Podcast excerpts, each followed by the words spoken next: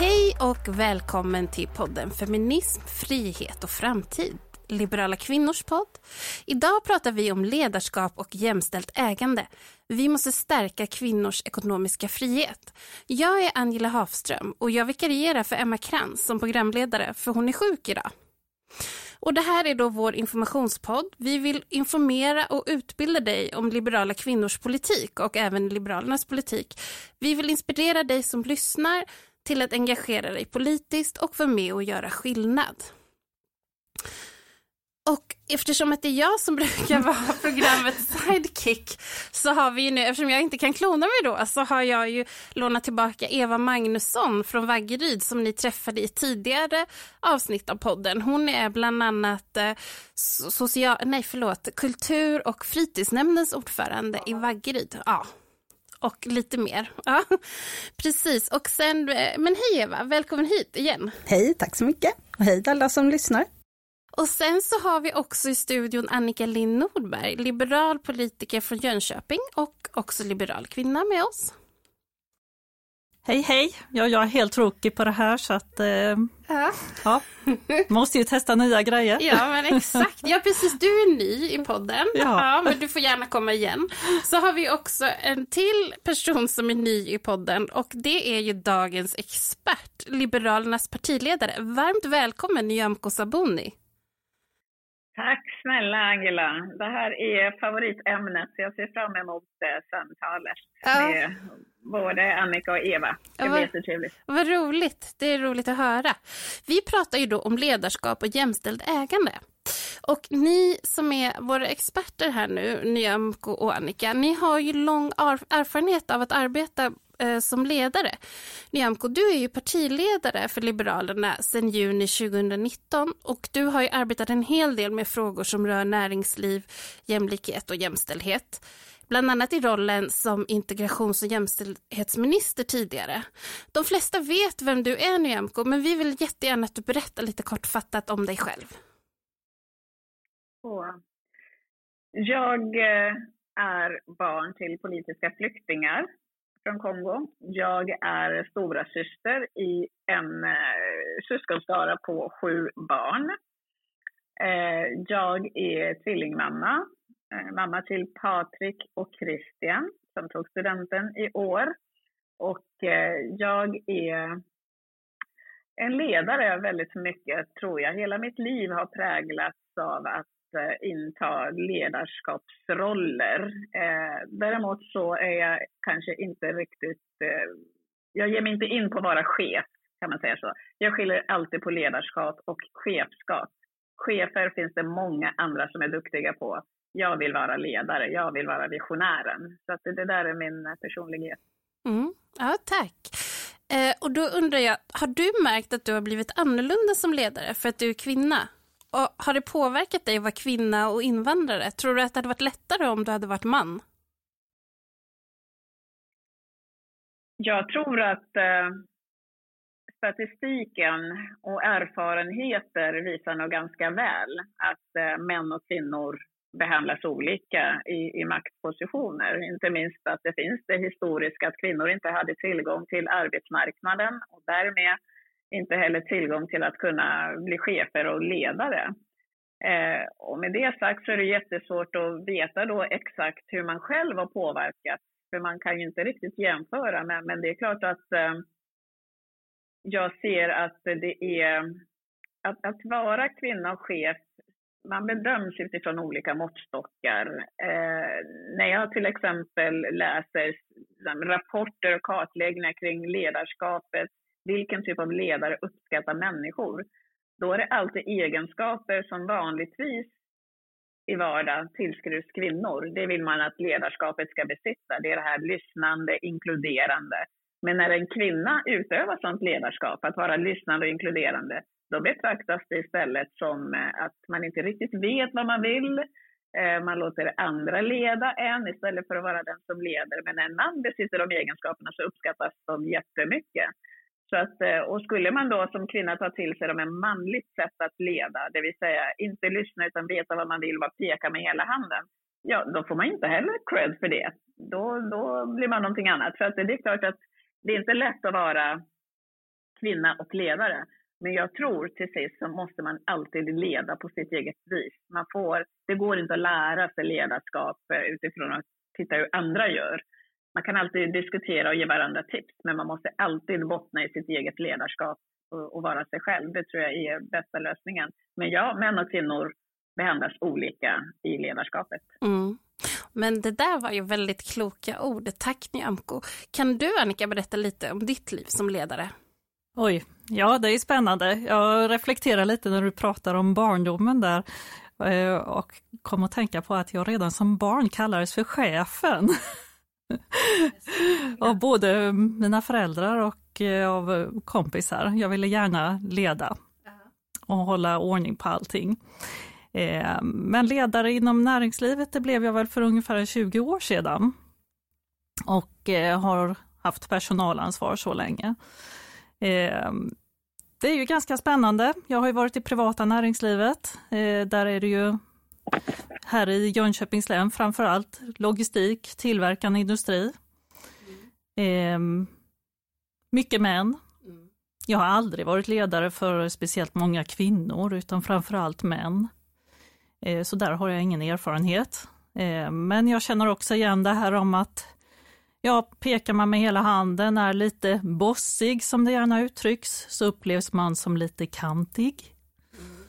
Eh, kan du inte vara lite mer kvinnlig? Är man lite kvinnlig, inlyssnande, trevlig, ja då får man ju höra att det vore bra om du pekar med hela handen. Då är man en svag ledare, tycker jag uttrycks ofta. Mm. Om man utövar det som folk frågar efter. Precis, och just det här att finna sin egen mm. personliga mm. stil, att det här är jag och jag är sån här. Mm. Och nu ska vi åt det här hållet. Det är där ledarskapet ligger. Men alltså jag måste bara förtydliga, menar du att det är de som har sagt kan du vara lite mer kvinnlig? Jajamän. Alltså det är så himla fräckt. Ja. ja man blir ju faktiskt helt mörkare. Även fast jag vet att det är väldigt illa så blir det ändå så oförskämt att säga. Alltså. Det här är så intressant för det skiljer lite. Jag som kommer från kommunala världen, jag är lärare. Har jobbat också som föreningsledare, ja, specialpedagog och speciallärare nu också. Men i den rollen, för jag började som ridlärare som väldigt ung. Mm. Så jag har jobbat i föreningslivet, simlärare, fritidsledare, lärare och nu specialpedagog och speciallärare. Det ser likadant ut. Det är samma. Jag har aldrig haft några problem med pondusen i och för sig, men, jag, alltså, men att få samma kommentarer, det är konstigt. Det är tröttsamt. När ska det bli skillnad? Liksom, när, när ska vi bli bättre? Ja, vi måste alltid vara tio gånger bättre ja. och vara så otroligt trygga i vår ledarroll mm. Som kvinnor. Ja, nej, men så känns det som. Men upplever du också, tänkte jag fråga Annika, om det har varit, alltså, har det varit svårare att leda i en mansdominerad bransch än vad du tror att det hade varit i en kvinnodominerad? Nu kanske precis som Nyamko sa, du, man har kanske inte alltid så mycket att jämföra för du har egentligen bara varit ledare i en mansdominerad bransch. precis, precis. Men, så jag vet inte så väldigt mycket om det, men eh, jag, kan väl, jag kan väl uttrycka det som så här att de kvinnor jag varit ledare för eh, förväntar sig att jag ska vara som kvinnor i grupp är. Och hur är det då? Ja, att man kanske inte pratar klarspråk utan man, man säger en sak och så menar man tio saker till. Och det språket hänger inte jag med på. Nej. Jag har aldrig varit där. Det här lite läsa mellan raderna? Eller? Ja, precis. Eh, men det har väl också med annan bakgrund att göra. Mm. att eh, Jag har ju liksom gått i skolan med framförallt majoritet killar. Så att eh, jag är inte van vid det här språket, Nej. men jag förväntas att veta och jag förväntas uttrycka mig på det sättet när jag egentligen bara menar det jag säger. Mm. Ja, men, ja, ville du säga något Nyamko? Ja, nej, men jag känner igen det där. Jag har ju, jag har ju fem bröder då. Eh, mm. Och sen har jag en syster som är som mina bröder. och vi är alla väldigt raka i vårt sätt att kommunicera. Och precis som Annika, man säger precis det man menar. Mm. Eh, och det är inte alltid eh, omgivningen förstår det när, när man är kvinna. Att jag säger det jag menar. Det är hela tiden så här, mm hon kanske har en annan agenda, hon kanske menar något annat, hon kanske inte menar alla, bara de flesta. Du vet, och mm. Det, mm. det, det, är klart att uh, det, det, ställer till, det ställer till problem för ledarskapet. För det, det, det gör det mindre effektivt när omgivningen inte bara förstår att även om man är kvinna och även om man är inkluderande, även om man är lyssnande, när man väl säger någonting så menar man det också, att det är det också de man har omkring sig ska lyssna på. För man är ju inte ledare som ett blankt papper, man är ledare för att man har en vision. Man, mm. man, man, mm. man, vill, man kan ju som mest diskutera den mest effektiva vägen till visionen, men man har visionen klar för sig och det måste ju då de som jobbar med en runt omkring en och som låter sig ledas av en förstå och, och, och så gott som möjligt följa den vägen. Vara lyhörda och följa den vägen. Mm. Det, det, det, underlättar ju då ledarskapet helt enkelt. Mm, absolut, det håller jag med om. Jag tänkte om vi ska prata lite om kvinnor i chefsposition. Får jag säga en sak innan? Det är så intressant det här. För jag, jag hänvisar hela tiden till skolan, men som lärare så går det hem när man säger vad man menar. Mm. Ja. Där kan du inte jobba med att läsa att de ska läsa mellan raderna. Det jobbar Nej. jag med i min profession, det är jag proffs på, mm. eftersom jag är speciallärare i språk. Men som lärare så måste du prata klarspråk. Ja. Och ja, därför men... har jag nog fastnat i det yrket och jobbat i alla mina år här då i liknande ja. jobb. Men ett jämställt näringsliv ska vi prata om. Hur, hur, tycker, hur viktigt tycker du att det är, Eva? Alltså otroligt viktigt och jag, jag tänker framförallt är det ur ett förebildsperspektiv. För om det inte finns båda könen inom alla branscher så tror ju inte våra barn att det går. Nej. Jag tror det är jätteviktigt att vi ser till att, det, det, att båda könen finns överallt. För annars vågar inte våra barn, de mm. tror inte att det går. Då har vi stoppat dem redan innan. Så för mig är det jämställda näringslivet framförallt viktigt som förebild för barn och unga. Mm. Jag skickade på Eva att ta fram all statistik om länet. Jag tyckte det var lite smidigt. Nej, men det intressanta tycker jag med vårt län, eller intressant, det är inget roligt intressant, utan mm. vi ligger sist i statistiken med jämställd, äh, jämställdhet på chefsnivå. Och det tycker jag är skrämmande. Med tanke på att vi brinner så är vi många som brinner för jämställdheten och så ser vårt län ut så här med de patriarkala strukturerna som det troligtvis är. Mm. För jag drog ut det på kommunnivå. Vi är 13 kommuner i vårt län. Och det ligger någonstans mellan alltså 25-75 och kanske 65-35, inte högre. När det gäller män och kvinnor, alltså andelen män och kvinnor på chefspositioner och det tycker jag är skrämmande lågt. Mm. Skrämmande lågt. Om jag tänker på alla de här småföretagen som finns med kvinnor som chefer. Mm. Hur många som helst är det ja, verkligen. Men vårt lä vår, vår länsstyrelsen i Jönköping har ju jobbat med det då med sin hundralista och eh, priset för unga ledande kvinnor och så. Men vi är liksom sämst i hela landet, är vi ja, inte det? På jo. jämställdhet. Mm. Det stämmer. På plats 21 av 21. Mm. Ja, kan, man kan liksom inte bli sämre och då känns Nej. det som att det var bra att vi finns här och jobbar för det här och att vi gör den här podden. Jättebra. Eller hur? Mm. Ja. Nu har vi redan pratat om det här, vad som kan vara skillnad mellan manliga och kvinnliga chefer. Men bara jag hade en liten fråga här. Annika, tycker du att det är viktigt att diskutera den här skillnaden mellan manligt och kvinnligt ledarskap? Och finns det ens bevisade skillnader? Jag skulle vilja säga att jag ser egentligen ingen skillnad mellan manligt och kvinnligt ledarskap. Nej. Eh, jag fick i början när jag tillträdde som chef så fick jag höra, jag har haft en kvinnlig chef en gång Ja, och så var den si och så. Ja, men nu heter jag Annika och han som var innan hette Per. Mm. Hur var han som ledare?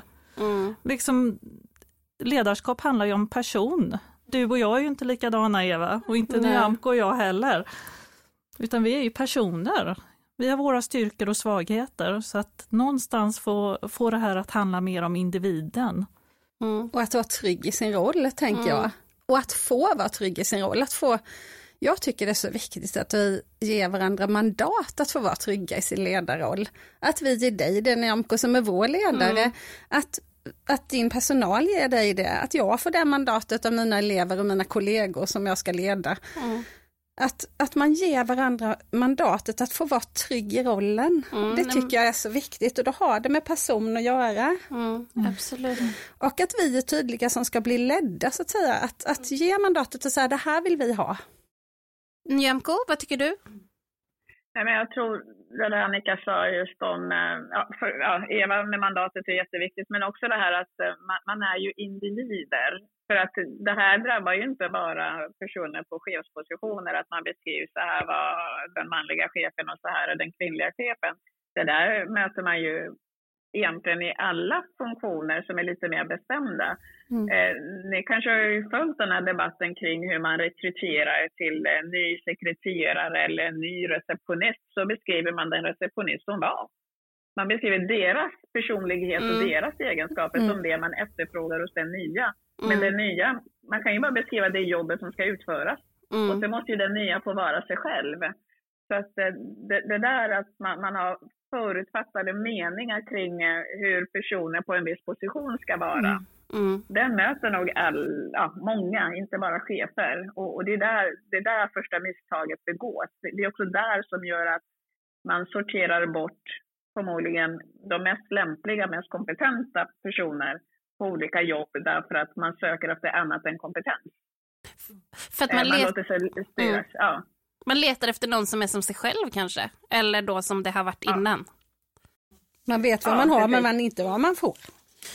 har ni väl hört innan? Ja, men om man skulle gå efter det, vad vet man vad man har men inte vad man får, då skulle man nog egentligen inte få så himla mycket om man inte vågade testa nytt menar jag. Definitivt inte utveckling, Nej. skulle jag vilja säga. Men... Exakt. Men nu tänkte jag så här Nyamko, Liberalerna, vi driver ju politik för att skapa jämställdhet när det gäller chefer också. vad har vi konkret åstadkommit de senaste åren? Och, och sen också vad vi kan göra bättre. Vill du bara berätta lite kring det? Vad du tänker? Ja, eh, nej men jag tänker, Liberalernas politik har ju väldigt mycket fokuserat på möjligheter för kvinnor och män att kunna kombinera familjeliv med, med, med arbetsliv. Eh, så, så där har vi jobbat väldigt hårt och strategiskt. Vi är ju det parti som är kända för att eh, börja med eh, de här så kallade öronmärkta pappamånader, mm. helt enkelt delad föräldraförsäkring. Och vi började med den första månaden och den andra och, och vi har fortsatt på den vägen. Vi införde jämställdhetsbonus där vi menade det att eh, om det nu är inkomstskillnaderna då mellan en man och kvinna så var vi ju beredda att ge bonus till familjen för att om det är mannen som tjänar mer än kvinnan så ska inte familjen förlora på det. Mm. Eh, det testade vi under alliansregeringen men sen har ju då den här, den här regeringen tagit bort det. Eh, så det, det har vi haft stort fokus på. Vi har koncentrerat oss på den offentliga sektors möjligheten att öppna upp sig. Eh, precis som eh, Eva var inne på. Hon är lärare, hon jobbar inom en sektor där många kvinnor finns med, med, med, som är excellenta ledare. De måste kunna få också ha verksamheter inom offentlig sektor. Därför tror vi på företagsamhet inom äldreomsorg, vård och utbildning. Eh, så det har vi jobbat mycket för och där vet ju ni att det finns eh, eh, ja, partier i riksdagen som, som inte tror på de privata alternativen inom välfärdstjänster. Och då blir debatten hela tiden kring vinstuttag istället mm. för att mm. fokusera på kvalitet. Vad är det för kvalitet man erbjuder? Eh, och den kampen måste ju vi fortsätta ta. Så sen tänker jag också vidare att eh, vi behöver jobba med då, det handlar mycket om under vilka villkor ledare inom offentlig sektorn arbetar. I näringslivet så vet jag ju att det är flera chefsnivåer för att en person kan inte ha för många under sig om man nu ska kunna följa deras kompetensutveckling, löneutveckling och vad det nu kan vara, så kan man inte ha för många. Men vi har ju chefer i, i den offentliga sektorn som förväntas ta hand om 50-60 medarbetare. Mm. Och det är svårt att eh, försöka hjälpa var och en att utvecklas till sitt bästa, både kompetensmässigt och lönemässigt. Och det är en fråga som jag menar vi behöver jobba mer på, eh, vi som är ansvar i regioner och kommuner. Och sen är det ägandefrågor som jag tycker är oerhört viktigt. Mm. Eh, att kvinnor än idag inte befinner sig i närheten av, av det männen äger i vårt samhälle. Om det nu är skog, företag, fastigheter, aktier. Vi mm. ligger långt, långt efter. Och där behöver vi helt enkelt bli bättre. Så att eh, Cecilia Elving som är vår jämställdhetspolitiska talesperson har till uppgift att ta fram ett program där vi pratar mer om ägandefrågor och på vilket sätt vi kan underlätta för fler kvinnor att bli ägare mm. helt enkelt. Det är superbra. Och mm. Cecilia Elving är ju också Liberala kvinnors eh, riksordförande dessutom och har också varit med i den här podden tidigare. Vi kommer att prata lite mer om ägande alldeles strax, men jag tänker eh, jag är lite nyfiken av mig, så jag tänkte bara höra med dig Nyamko. Hur är, vi ska pra snart prata om kvinnors representation i styrelse också, men jag vill höra hur är du att vara ledare för ett gäng frisinnade liberaler? Är det svårare än att vara ledare på ett företag exempelvis, eller vad? Jag vill bara höra lite. Ja, nej men för det första, man kan inte jämföra att vara chef eller VD för ett företag med att vara distriktsordförande eller partiledare för, för ett parti. Det är helt vitt skilda saker.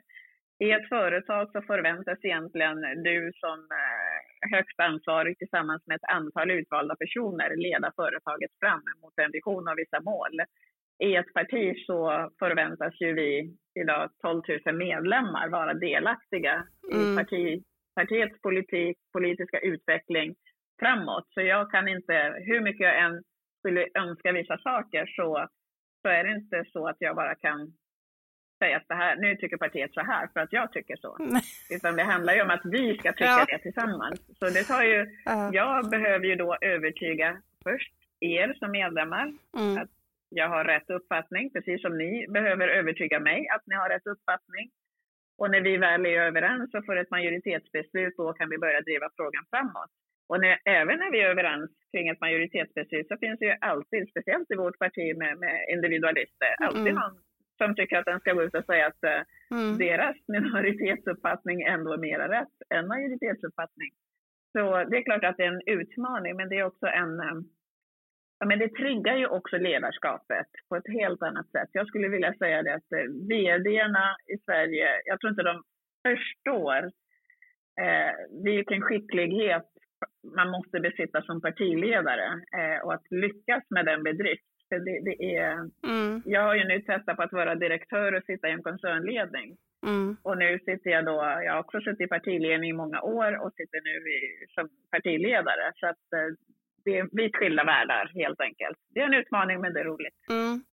Ja, då skulle vi prata om, nu har vi med oss vår statistikexpert Eva här då, för nu pratar vi lite om jämställdheten i bolagsstyrelser, för den är ju inte heller särskilt bra.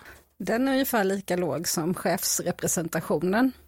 Men Jönköpings län har tagit fram något som heter 100-listan och det tycker jag är spännande.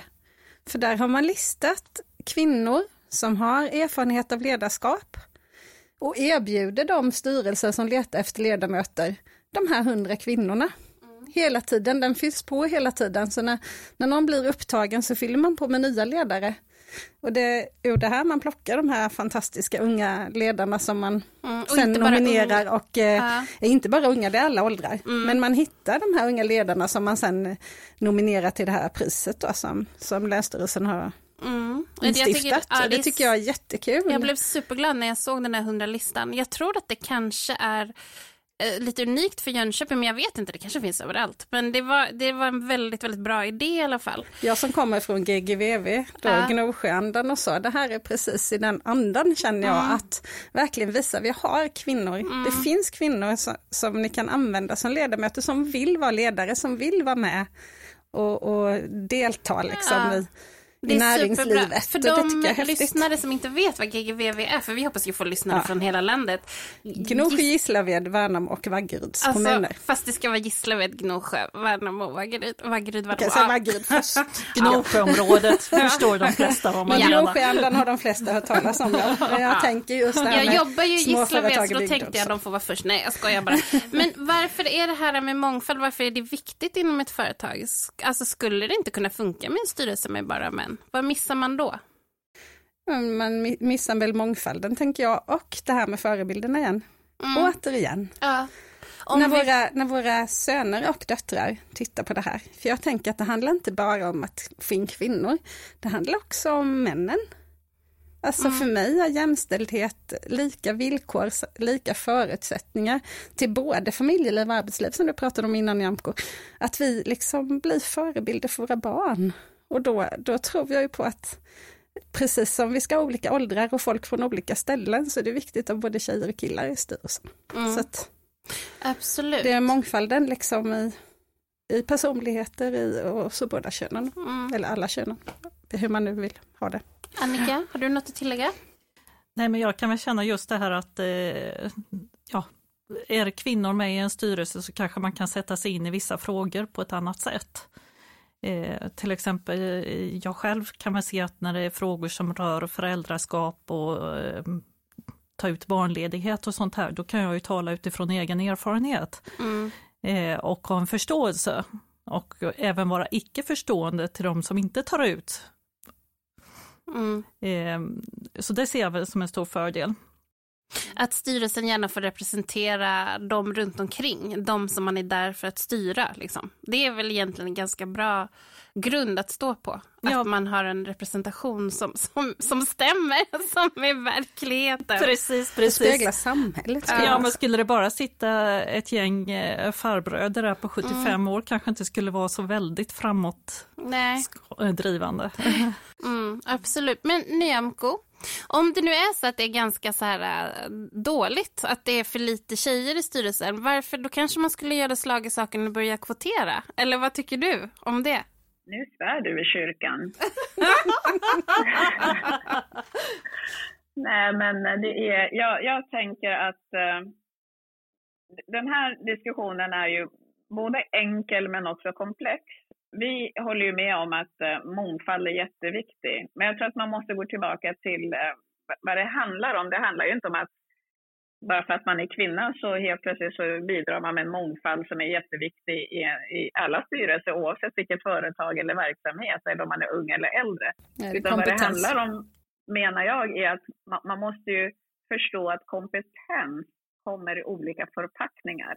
Mm. Det kan inte vara så att kompetensen bara finns i en medelålders vit man, kristen, utan funktionsvariation. Det kan inte vara så.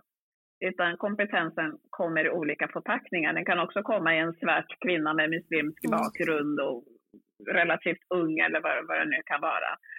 Om man då går utifrån kompetens och rekryterar utifrån det, då, då skulle våra styrelser och ledningar ser mycket annorlunda ut. Mm. Så när, när, vi, när vi saknar mångfald i styrelser och ledningar så är det som att säga att vi faktiskt har lyckats sortera bort en del kompetens. Så mm. om man bara definierar vad kompetens är till det man ska göra och, och sen att man är öppen för att den kommer i olika förpackningar så kan vi lyckas mycket bättre med, med, med, eh, med mångfald. Sen när man går in i lagstiftning så uppstår det olika mekanismer för att just komma runt lagstiftningen. Det här har ju testats i Norge. De har en kvoteringslag och resultaten som blev är att det blev samma kvinnor som har rekryterat till alla möjliga olika styrelser. Så helt plötsligt var det en kvinna som hade åtta uppdrag.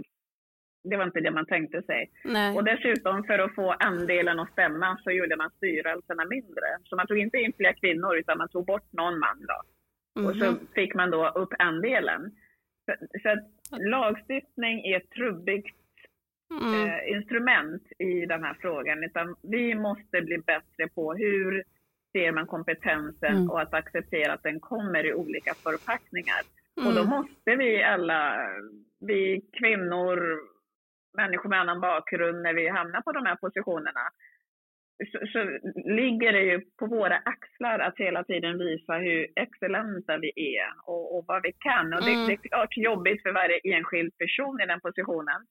Men det är bra att ha de här förebilderna som eh, Eva var inne på. Mm. De yngre måste kunna se att det går att leda ett av Sveriges bästa partier och vara svart kvinna. Mm. Eh, det, det, betyder jättemycket. Mm. Det är inte därför jag är partiledare för Liberalerna, men det betyder ändå mycket för de som ser mig. Det betyder jättemycket. Så, mm. ja, så, att, eh, så kompetensen i centrum så kommer vi lösa det här med mångfald. När vi inte lyckas ha mångfald så är det för att vi inte har lyckats Nej. Så man... Eller nå kompetensen fullt ut. Precis. Så vi menar liksom att lagstiftningen, det är liksom egentligen inte, alltså det, vi måste jobba med grunden, alltså vi kan lagstifta hur mycket vi vill, men om inte folk har en inställning som är tillåtande och inkluderande och att man kan se förbi könen och uh, annan mångfald så kommer det, vi aldrig lyckas, eller hur? Visst är det lite så? Ja, och dessutom om du får in en ung, en kvinna, en äldre, en vad det nu är du tar in för parametrar och så misslyckas de Mm. Då kommer någon säga, säga att ah, det, det ser ni, mångfalden mm. betyder tydligen ingenting. Nej. Så man måste tillbaka till kompetensen. Mm. Ja.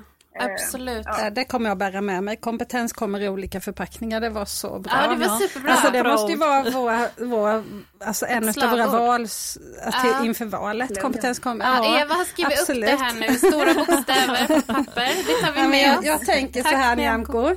Att vi, har, vi är det första partiet som har svart kvinna mm. dessutom på partiledarposten. Det säger så mycket om vårt parti och det handlar om signalvärde.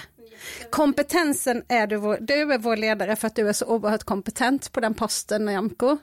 Men det har ett signalvärde att du också är kvinna och svart. Mm. Och det tror jag att det ska vi inte underskatta. Och det är lite med det här förebildsperspektivet jag pratade om innan också, att det har ett signalvärde. Men det är ju hela tiden kompetensen. Mm. Som vi måste se. Mm. Jätteviktigt. Och tydliggöra. Och nu är det ju faktiskt så att den här hundralistan som vi tycker så mycket om, vi har ju en egen, ett styrelseproffs med oss här i studion som är med på den här hundralistan och det är ju då Annika som står här vid min vänstra sida. Visst är det kul? Alltså vad, vad eller visst är det kul, det är inte bara kul, det är viktigt och bra. Hur kom det sig att du liksom ville vara med på den här listan Annika? Nej, men jag såg det som en självklarhet. Eh, alltså när jag såg den lanseras så tänkte jag, ja men varför inte jag med där än? Nej. Det är ju liksom en självklarhet. Alltså vi finns här, vi kvinnor i Jönköpings län, som har rätt kompetens, vi har rätt erfarenhet. Men det man ser då i Jönköpings län, det är ju att man säger att det finns inga kvinnor att rekrytera till styrelserna. Nej, de har inte kompetensen. Okej, okay, här, här finns jag. Jag har industri mm. bakom mig. Jag har varit eh, chef för tillverkande industri, logistik. Jag är precis det vi är i Jönköpings län. Sen har jag uppdrag själv, jag får ju uppdrag mm. Eh, genom mina nätverk därför att jag rör mig i många manliga nätverk. För det handlar om vilka nätverk man är i. Mm. Att eh, männen rekryterar i sina nätverk och där har de också män. Ja. Eh, och då blir det på det sättet. Men eh, för mig är det viktigt att visa upp att vi finns och att det mm. finns även vi som är lite äldre, för jag tillhör ju inte de yngre längre. Tycker inte du är gammal? Nej, jag är 50 men... Eh, Nej, du är 49, vad var det, plus? 49 plus, för jag kunde inte fira min födelsedag förra året. Nej, på grund av corona. Men Nej. då räknar vi inte det året. Nej, men Nej. precis, coronaåret räknar vi inte, det var väl rätt tänkt. Ja, men jag blir så här, alltså nu blir jag igen så här chockad när du säger så här att det finns män som säger så här, nej men det finns inga kompetenta kvinnor i vårt län. Och då känner jag bara så här, alltså då är det dels för att de inte har koll och sen också för att de tycker att de själva är så himla bra. Om de bara letar efter sådana som är likadana som en själva liksom, alltså då, då får de väl leta länge liksom. Nu så ska vi prata lite om jämställt ägande och ekonomisk frihet. Vi pratar ju ofta om eh, kvinnor på chefspositioner eller i styrelsen, att de är alldeles för få. Men är det inte egentligen så att mycket av den verkliga makten ligger i ägandet? Hur ser det ut, Eva? Det är ju så att män äger dubbelt så mycket som kvinnor om vi tittar på landet i stort och i synnerhet i vårt län. Och det tycker jag är skrämmande. Det är både fastigheter, företag, skog, mark, patent, upphovsrätter. Fast vi har så duktiga kvinnliga uppfinnare i vårt land, det måste jag säga. Eh, bilar, sparkapital, allt vad ni tänker, aktieinnehav, allt. Och det är tankesmedjan Ownershift som har tagit fram det, det, var, det kom 2020, den här rapporten. Så att det är ingen gammal rapport att, att det är gammalt liksom, utan men män äger dubbelt så mycket som kvinnor i Sverige idag och då har vi ju inte kommit så långt som vi vill egentligen. Nej, verkligen inte. Varför tror du att det är så, Annika? Ja, det här är ju bara mina egna upplevelser så att säga mm. och eh, det jag har sett eh, under min karriär eller vad man ska säga, det är väl att kvinnor många gånger tar på sig väldigt mycket ansvar hemma. Eh, och många gånger i onödan dessutom, man släpper inte ifrån sig till eh, sin man det är oftast en man, eller mm. partner ska man väl säga mm. egentligen. Mm. Eh, ja. Men eh, det gör ju då att eh, man åker ner i lön. Eh, mannen tjänar mer. Och det blir naturligt att han äger mer också. Det blir en snedfördelning direkt där. Sen är det ju också det här med yrken. Mm. Klassiska kvinnoyrken, mm. det här som vi pratar om att kvinnor kan gå in och starta bolag som idag ägs av offentlig sektor. Det är en fantastisk möjlighet för mm. kvinnor att verkligen få ta ägarskap mm. eh, och leda den typen av verksamheter. Jag tänker yeah. att livslönen, alltså bara det här att i snitt då 3 miljoner efter är vi när vi går i mm. pension. Mm. Det tog mig 17 år att komma ifatt min man som är elektriker. Han, han, gick två år på gymnasiet och jag har läst sju år på högskolan och det tog mig 17 år i det här jobbet då. Ja, att nå, komma fram till samma lön jag, som honom. Och jag tänkte Nyamko, för det här har ju en väldigt stark koppling just till eh, privatekonomi. Om kvinnor tjänar mer så skulle de ju faktiskt förmodligen äga mer. Eller hur Nyamko? Det är där det måste börja därför att det, det är klart att det finns ett ägande som historiskt sett har fördelats ojämställt därför att det är alltid den äldsta sonen som har fått ta över familjens företag. Det är männen som har fått vara chefer. Kvinnor har ju, men det var ju ja, det var inte ens hundra år sedan som kvinnor faktiskt inte hade tillgång till arbetsmarknaden på lika villkor som männen. Så vi, vi får inte glömma bort den historien. Det, det, är den som har lett till den skeva fördelningen som finns i ägandet. Men vi kan ju försöka korrigera så mycket som möjligt att nu börja prata just om de här frågorna. Delvis lönefrågor, hur det ser ut, att eh, kvinnor måste tänka långsiktigt när de väljer jobb, när de väljer partner, hur de gör med familjelivet. För, för varje dag som man tänker att men jag är hemma och vabbar, jag är hemma med, med, med, på föräldraledighet mer än sin partner, desto mm. mer förlorar man på det långsiktigt. Och sen tror jag det är också viktigt att försvara, fortsätta försvara företagande inom offentlig sektor. För det är så att om man tittar på hur eh, vi är fördelade i arbetslivet så kvinnor finns ju 50 procent i det privata och 50 procent i det offentliga. Men männen är 80 procent i det privata och bara 20 procent i det offentliga. Mm. Så att man inser att vi behöver få fler män till den offentliga sektorn. Vi måste locka fler män dit. Ju, ju mer vi kan få fördelningen också i det privata som, ja, som, som, som i det offentliga i mansgruppen, så, så är det bättre, menar jag. För, för då, då, då, kommer vi också kunna få lite bättre villkor kring inkomster. Mm. Ja, jättebra, tack Nyamko. Vad gör Liberalerna här nu då? För att just öka det jämställda ägandet. Du var inne på det redan Nyamko. Eh, berätta lite mer om Cecilia Elvings, det uppdrag hon har fått. Hur, ök, hur påverkar vi möjligheten för kvinnor att ha liksom, en ekonomisk frihet och självständighet? Ja, nej men det är ju så att eh, när det gäller de här frågorna, ägandefrågor, så är det inte alltid lätt att se vad det finns för politiska lösningar, eh, mer än att eh, man blir opinionsbildare. Mm. Men, men när vi behöver till exempel finansiering av affärsidéer, vi, vi vet ju att det är väldigt svårt att få banker eller, eller änglar av olika slag att se affärspotential i idéer som kvinnor lägger fram.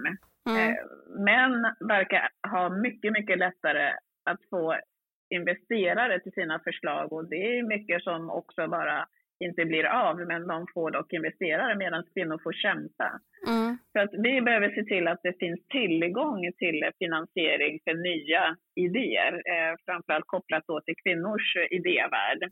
Mm. Eh, hur man gör exakt det, det, får vi, vi får ju sitta i de här arbetsgrupperna. Vi, har, vi kommer ju ha, inkludera också människor från näringslivet som har jobbat med de här frågorna och som känner till de världarna. På vilket sätt ska vi tänka? Mm. Jag tycker det är jätteviktigt att påpeka för kvinnor hur viktigt det är att äga egen bostad. Eh, vi gläds ju väldigt mycket när vi får hyreskontrakt och det är jättebra. Men eh, i det långa loppet så är det alltid mycket dyrare att bo i en hyresbostad än att bo i egen ägd bostad. Så vi behöver få kvinnor att förstå att köp egen bostad, amortera hellre mm. så på det du själv äger. om du har möjlighet så köp. Det är en bra investering för framtiden. Också bostäder är ju en sån långsiktig affär man, man, man kan göra. Um, så, uh, vi, vi, får helt enkelt sätta oss i arbetsgruppen och se vad finns det att göra mer än att opinionsbilda när det gäller ägandet. Mm. Och sen tycker jag, vi har ju hunnit ikapp, vi har ju kommit långt när det gäller högre utbildningar. Nu, är ju, nu dominerar kvinnor på de allra viktigaste mm. utbildningar. Mm. Jurister och ekonomer, läkare och andra. Ingenjörer växer också till sig. Ju mer vi blir högutbildade, desto mer kommer vi också att börja dominera näringslivet. Det, det, är, det, det, tror jag verkligen är på gång. Jag har två söner och jag säger till dem att eh, de kommer inte ha det lika lätt som deras pappa mm. hade det. Nej. De kommer verkligen ha skarpaste tjejerna att konkurrera mot.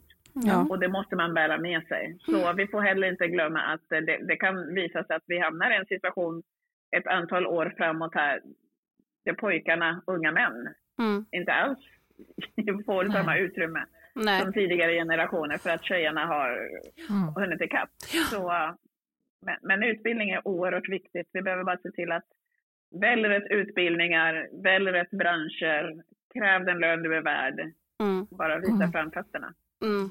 Där är, ju, där är ju min värld, där ser vi ju, där pratar vi mycket om nu hur pojkarna ska mm. få ja. samma förutsättningar till utbildning som mm. tjejerna har. För nu, eftersom vi ser att tjejerna dominerar i Mm. Ja, studieförberedande ja. program och annat och, och det tycker tänk, jag är viktigt. Ja, och nu tänkte jag, när Nyamko ja. sa så, då tänkte jag så nu kommer Eva lyfta den här frågan om att, och jag håller med, det är en väldigt viktig fråga och jag tror vi faktiskt skulle kunna ha en egen podd om skolan. Kanske, och jag, det är lite intressant med det här med ägandet i skolan, Nyamko, för där tror jag att Liberalerna kan komma fram med det här när vi tittar på långsiktigt ägande när det gäller skolor och förskolor. Så att man kommer ifrån det här med riskkapitalbolag som ger sig in i korta affärer med skolor. Mm, jag, tror, jag tror det är jätteintressant diskussion du har tagit upp där Nyamko med, med ett långsiktigt ägande då. Mm. Att man kräver en, mm. en tidsplan. Ja, för blir det för mycket riskkapitalister i den, den här branschen, då kommer inte det vara kvinnor som Nej. äger längre. Nej. Nej. Då, då, då är det män någonstans ute i världen där som man inte vet vilka de är, som kommer äga den svenska skolan. Och det var inte så det var tänkt. Nej. Utan vi vill ju verkligen ha det här nära, lokala, ja, som kan våra förutsättningar, som har barnens kompetens mm. i centrum. Och det är kvinnor som finns i branschen som också ser till att eh, äga de skolorna som mm. är privata. Ja. Mm. ja. Ja men precis, jättebra. Jag tänker tyvärr behöver vi snart bli avrunda. Jag skulle kunna stå här i två timmar till och det ja, tror jag ni också skulle. Men... ja visst var det. Men jag tänkte bara så här, nu har vi hört här eh, från, från dig Nyamko och från er andra, vi har haft en jättebra diskussion och alltså det är ju så himla bra. Vi liberaler rockar ju verkligen. Vi gör riktigt bra grejer. Men om jag ska vara helt ärlig så ser det ju inte jättebra ut för Liberalerna just nu om man då tittar på de här mätningarna. Varför varför är det inte så, Nyamko? För när man lyssnar så här så känns det som att den liberala politiken borde ju faktiskt tilltala många fler än vad det nu är, 2,7, 2,8. 3,1. Jag har tänkt precis säga det. Kan man säga. Statistiknörden. Det är dåligt, väldigt dåligt. Ah. Nej men jag, jag tänker att det, det, är lika enkelt som svårt. Det, det, är klart att alla partier tycker att de har bästa politiken och alla partier undrar varför inte vi är större än vi är oavsett hur stor man är. Mm -hmm. Så att det delar vi ju med alla. Och, och, vi kan inte göra annat än eh, fortsätta prata vår politik, sprida den på alla sätt. Inte bara blicka på mig, att jag ska kommunicera ut allt, utan vi tittar på alla medlemmar. Mm. Vad kan du göra idag? Vilka grannar, familjemedlemmar, vänner har du pratat med? Mm. Och jag tror också att det viktiga är att, att lyssna på väljarna, vad, vad, är det de tycker är viktigt? För, för, om vi bara ska utgå ifrån att vi har så bra politik och, och så pratar vi det vi tycker är viktigt så, så, kommer vi inte tilltala väljarna. Utan vi måste lyssna på den vi talar med och berätta det den efterfrågar att få veta. Mm. Vi värderar olika politiska områden olika mycket. Eh, många tycker skolan är jätteviktig, så det kan man ju alltid prata, det kan man alltid prata om. Men det är inte säkert att alla tycker att skattepolitik är det bästa, även om vi vet att ekonomisk politik är grunden för allt annat möjligt som vi kan göra med vårt land. så är det inte säkert att någon vill lyssna på skattepolitiken, utan då vill de prata någonting annat. Är det äldreomsorg? Ge svar då på den, på, på, på den liberala politiken kopplat till äldreomsorg. Mm. Eh, är det någonting annat så ge svar på det. Så det kommer inte finnas en fråga. Jag får så mycket mejl kring det här. Om vi bara lyfter den här frågan så kommer vi bli framgångsrika. Och jag kan svara er alla, nej, nej. det händer inte. Det, det, det, är aldrig någon som vet i förväg vad som blir framgångsrikt. Det är bara att berätta om det man redan idag eh, har och har utvecklat. Mm. Eh, det är bara så man, man, man vinner förtroende helt enkelt. Mm. Men så sammanfattningsvis så kan vi ju säga då till om, nu hoppas vi att alla 12 000 av våra medlemmar lyssnar på den här podden. Och 12 000 till. Ja, det gör de. Det gör de. Ja. Att man kanske så här, en gång om dagen så kan man göra något riktigt bra utåtriktat mot en granne eller en arbetskamrat eller ja, på Facebook eller någonting för att lyfta Liberalernas politik och också lyssna in vad våra väljare då vill höra mer av eller veta mer av. Kan man sammanfatta det så, ja. Nyamko? Ja, vad de har för utmaningar i sin vardag. Det värsta som finns är att eh, försöka leva sitt liv med, med, alla, med all stress och alla utmaningar som finns så kommer någon och vill prata om någonting helt annat än det som upprör eller berör eller eh, handlar om en här och nu. Jag menar, om det är skolan någon vill prata om, då kan inte vi börja prata äldreomsorg. måste vi prata Nej. skolan med den personen. Mm. Så vi, vi, kan inte sätta agendan för den politiska diskussionen. Det är bara väljarna som sätter agenda för den. Och, och då måste vi vara lyhörda. Och du tycker det är för agenda. Och du tycker att vi ibland inte alltid är det, liksom? eller att vi gärna kör på och vill snacka vårt eget? Jag tycker ofta så är vi inte lyhörda. Nej. Eh, jag tycker mitt ledarskap vill jag ska präglas av att vara inlyssnande i partiet. Jag tycker partiets ledarskap i politiken ska vara inlyssnande gentemot väljare. Mm. Mm. Eh, lyckas vi med det så, så kommer vi göra ett bra val 2022. Mm. Vi, vi, vi blickar för mycket inåt. Vi, vi ofta oss själva nog. Mm. Eh, och, och, och vi, jag tycker inte vi finns till för oss själva. Men jag vet de som tycker att vi, till, vi finns till för oss själva. Men jag tycker inte det. Jag tycker vi finns till för, svenska folket. När vi varje dag tar på oss rätten att fatta beslut som påverkar människors liv, mm. dagligen gör vi det. Mm. Då har vi skyldighet att lyssna till uh, vad det är de tycker mm. händer i deras liv och som de vill att vi politiker ska prata om och ägna oss åt. Absolut. Det, det, är min slutsats. Mm, mm, det är jätteviktigt.